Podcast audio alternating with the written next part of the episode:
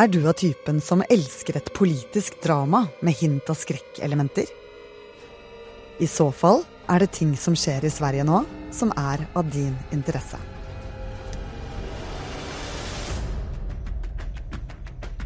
For i over et halvt år har Finland og Sverige And I warmly welcome the requests by Finland and Sweden to join NATO. sammen forsøkt å bli med i Nato. Og prosessen skulle gå rekordraskt, ble det sagt. Men nå, åtte måneder senere, tyder mye på at dette kan ta lang tid. Koranbrenning i Stockholm provoserer Tyrkia, som Svenska Nato-prosessen fortsetter å støte på problem i flere Noe som førte til eh, protester i en rekke muslimske land, som Tyrkia, men også Pakistan. Men låt oss ikke være naive. Det fins nå krafter både i Sverige og utenfor Sverige som vil forhindre Sverige från att bli NATO-medlem.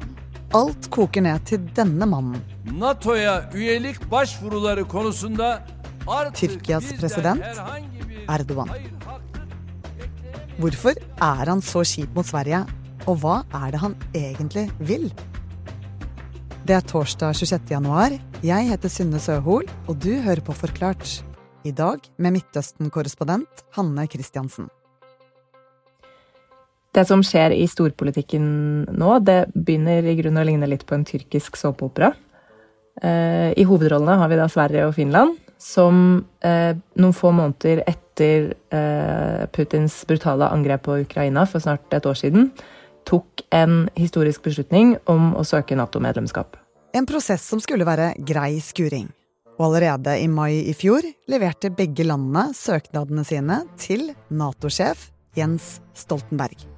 Stemningen i Nato da var jo veldig optimistisk, veldig historisk egentlig. Jens Stoltenberg beskrev dette som et historisk øyeblikk, og prosessen lå an til å gå i rekordfart. Eh, Sverige og Finland ble jo da omtalt som to medlemsland som virkelig ville styrke alliansen. Eh, og, og også få Vesten da til å fremstå som en samlet front i møte med russisk aggresjon. And I'm pleased to announce that we now have an agreement that paves the way for Finland and Sweden to join NATO. Men ganske raskt melder det seg en liten utfordring. Utspillet fra Tyrkias president. Han er altså skeptisk til Nato-medlemskap. Og det er Tyrkia. Eh, Rettere sagt Tyrkias president, Recep Tayyip Erdogan, som plutselig uttrykker en viss skepsis til de svenske og finske Nato-søknadene. Og det ble ganske fort klart at det i all hovedsak eh, dreide seg eh, kanskje litt mer om Sverige enn det gjorde om Finland. Ok, og hvorfor mer om Sverige? Hva er det det handler om?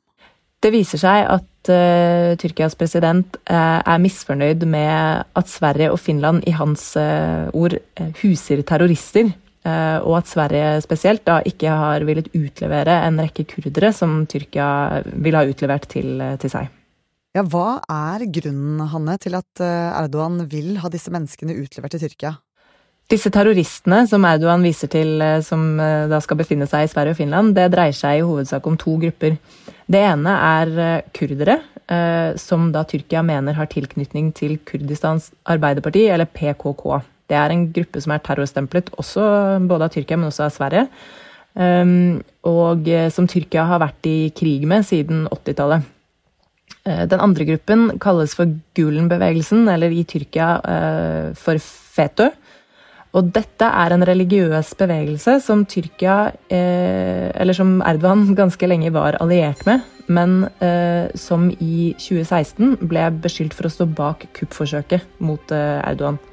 Så etter kuppforsøket i 2016 så startet jo eh, regjeringen en storstilt utrenskning av statsapparatet.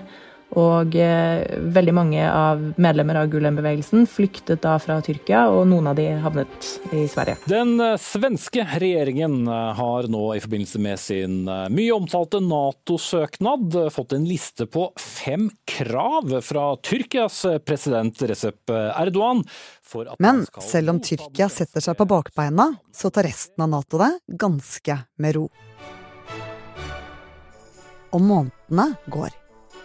Det holdes flere møter, Og Det skal jo også være et møte i morgen på et litt lavere diplomatisk nivå. Eller lavt og lavt. Det er eh, to statssekretærer Og Sverige gir etter.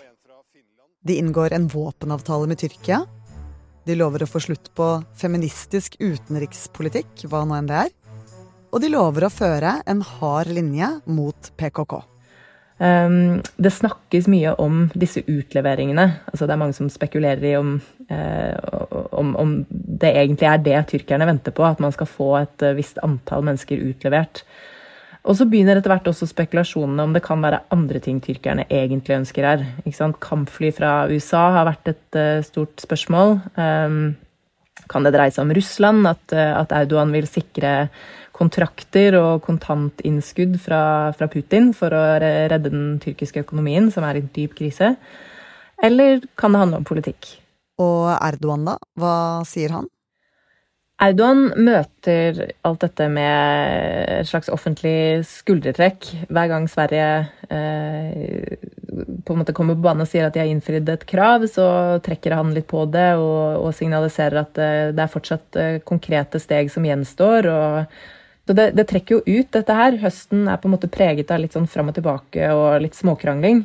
Eh, men holdningen i Nato er fortsatt at eh, dette, dette går i riktig retning. Det er framgang eh, i forhandlingene. Og til slutt så kommer Sverige og Finland til å forbli fullverdige medlemmer av Nato. Og så blir det jul. Og Nato og Sverige ser lyst på 2023. Men så er det en dukke som setter en bråstopp for hele prosessen.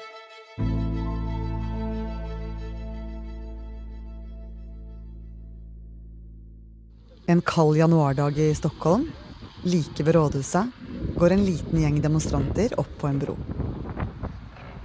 I videoklippet som er lagt ut på Twitter og YouTube, ser man en dukke på størrelse med et menneske. Den er dresskledd har rødt slips og hvite hansker. Denne menneskedukken blir så heist opp etter bena, sånn at den dingler opp ned, høyt over bakken. Da ser man hvem dukken skal forestille. Tyrkias president Erdogan. Tyrkia har avlyst et besøk fra lederen i den svenske riksdagen etter at en dukke som Denne dokken hissades i forrige uke opp i Stockholm. Den forestiller Turkiets president Erdogan som henger opp og ned. En organisasjon som heter Rojava-komiteene sier at det er de som har hengt opp den. Rojava-komiteene er en eh, aktivistgruppe i Sverige som støtter de kurdiske syrerne som ønsker selvstyre nordøst i, i Syria. Det er ikke helt uproblematisk for Tyrkia. For, eh, for tyrkere, tyrkerne anser YPG som mer eller mindre synonymt med PKK, altså denne terrorgruppen som de har vært i krig med i mange tiår. Så det dukkestuntet det vekker ikke helt overraskende veldig sterke reaksjoner i Tyrkia. Tyrkiske myndigheter krever at svenskene skal etterforske dette her. Men selv om stuntet kan sies å være ganske usmakelig, så er det jo ikke ulovlig i Sverige. Eh, så det blir fort klart at eh, selv om svenske statsråder fordømmer eh, hendelsen og tar avstand fra den, så kommer de ikke til å etterforske den. Og da surner stemningen mellom de to landene skikkelig til. Og etter flere demonstrasjoner i Sverige så kommer det som virker som den siste spikeren i Nato-kista. Den høyreradikale politikeren Rasmus Paludan brenner Koranen utenfor Tyrkias ambassade i Stockholm.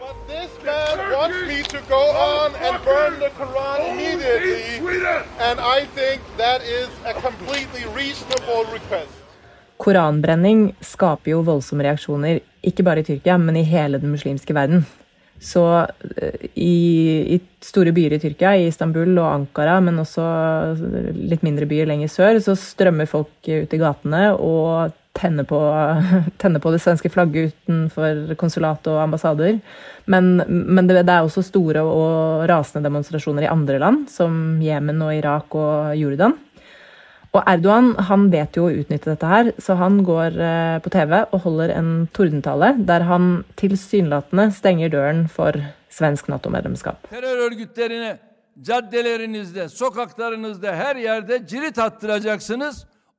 Men dresskledd dukke og koranbrenning, hvorfor er det så dramatiske protester i Sverige? Nei, altså Dette skjer jo ikke i et vakuum i Sverige heller. Det har oppstått en debatt rundt jul og på nyåret i, eh, i svensk media om at eh, der, der hvor regjeringen blir beskyldt for å krype for Erdogan. Altså at man har strukket seg for langt for å tekkes Erdogan og hans antidemokratiske tendenser. Da. Og den misnøyen er det jo da antiislamske krefter på ytre høyresiden i Sverige som bestemmer seg for å utnytte. Og det er kort fortalt en gavepakke til Erdogan. For om bare fire måneder går tyrkerne til valg. Og det beskrives som et skjebnevalg for Erdogan. Og nå forsøker han å bruke det som skjer i Sverige, til sin fordel.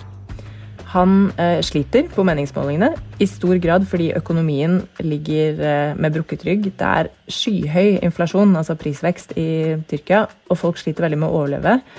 Og Erdogan har brukt veldig mye offentlige midler på å prøve å bøte på, på de vanskelighetene, som gjør at, nå, uh, at staten nå begynner å bygge seg opp stor gjeld.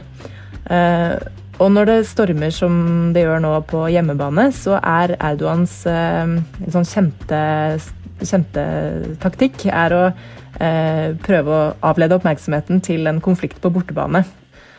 Det å kunne vise velgerne på hjemmebane at han tar en tøff linje overfor Vesten, det har eh, tidligere flere ganger eh, hjulpet han, styrket han på meningsmålingene. Så det er jo Det er nok også del av det Erdogan driver med nå. Men hva med forholdet til Nato, da? Ødelegger han for seg selv der? Dette er ikke første gang Erdogan lager støy i Nato. Uh, han har spilt rollen som bråkmaker før, bl.a. Uh, i forbindelse med at Tyrkia kjøpte luftvernssystemer av Russland. Hver gang Erdogan lager bråk på denne måten, så oppstår jo debatten om hvorvidt man egentlig trenger Tyrkia, og om ikke man bare kan kaste ut, uh, kaste ut bråk, bråkmakerne.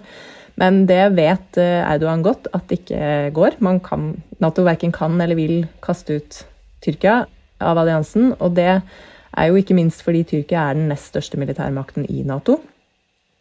Dessuten nå, i, i, forhold til krigen i Ukraina, så står Tyrkia litt i en særstilling fordi Erdogan er en av få ledere som har et uh, relativt godt forhold både til Putin og til uh, ukrainerne.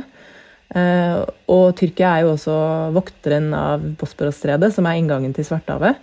Så det koster ikke Erdogan så veldig mye akkurat nå å lage bråk i alliansen. At det at han blir litt upopulær, det tror jeg ikke han bryr seg nevneverdig om. Er det sånn at Sveriges Nato-medlemskap eh, rett og slett kan ryke nå? Jeg tror ikke det er noen i Nato som helt ennå begynner å virkelig bekymre seg for at, at det ikke blir noe av likevel. Eh, og for alle praktiske formål så er eh, Sverige Sverige har de sikkerhetsgarantiene som Nato-medlemskap innebærer allerede. Men så er det jo ydmykende for svenskene eh, å bli herset med på denne måten av det mange i Sverige mener er en diktator. Og i tillegg så begynner nå finnene også å bli ganske utålmodige. Men som naboer og med felles sikkerhetsutfordringer så ønsker Finland fortsatt å gå sammen med Sverige inn i Nato. Og Hanne Christiansen, hva betyr alt det bråket som vi har sett nå i det siste, for Nato, egentlig? Nei, først og fremst er det nok et skår i gleden at uh, man ennå ikke har kommet i mål med dette, når man var så optimistiske og, uh, og stemningen var så historisk da, som den var på forsommeren i fjor. Uh, så selv om Nato nok fortsatt er rimelig trygge på at Finland og Sverige slipper inn til slutt, så er man nok også klar over at den splittelsen og disse forsinkelsene man ser nå, er nettopp det Putin håper på. Du har hørt en podkast fra Aftenposten. Det var Midtøsten-korrespondent Hanne Christiansen som forklarte deg hvorfor Sverige krangler med Tyrkia. Lydklippene er hentet fra NRK, nyhetsbyrået AP, VGTV og SVT. Denne episoden er laget av produsent Philip A. Johannesborg, Marit Eriksdatter Gjelland, David Vekoni og meg, Synne Søhol. Resten av Forklart er Anders Weberg, Jenny Førland og Anne Lindholm.